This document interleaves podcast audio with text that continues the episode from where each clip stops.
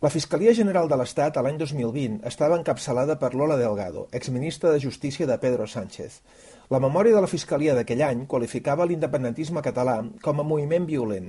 Què ha canviat des d'aleshores a ara perquè el fiscal general actual hagi modificat la seva opinió? Que Puigdemont ara és imprescindible perquè Sánchez sigui president del govern i abans no ho era.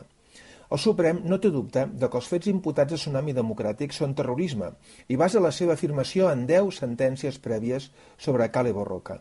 Les lesions causades a policies, l'aïllament de la torre de control, la suspensió massiva de vols i la falsificació de bitllets d'avió suposa la vulneració de diversos articles del Codi Penal.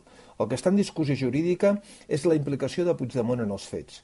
La investigació del Suprem no implica la condemna de Puigdemont. El que no es pot pretendre és que pel fet de que Puigdemont tingui un paper polític fonamental en el sosteniment de Sánchez a la Moncloa se li doni impunitat.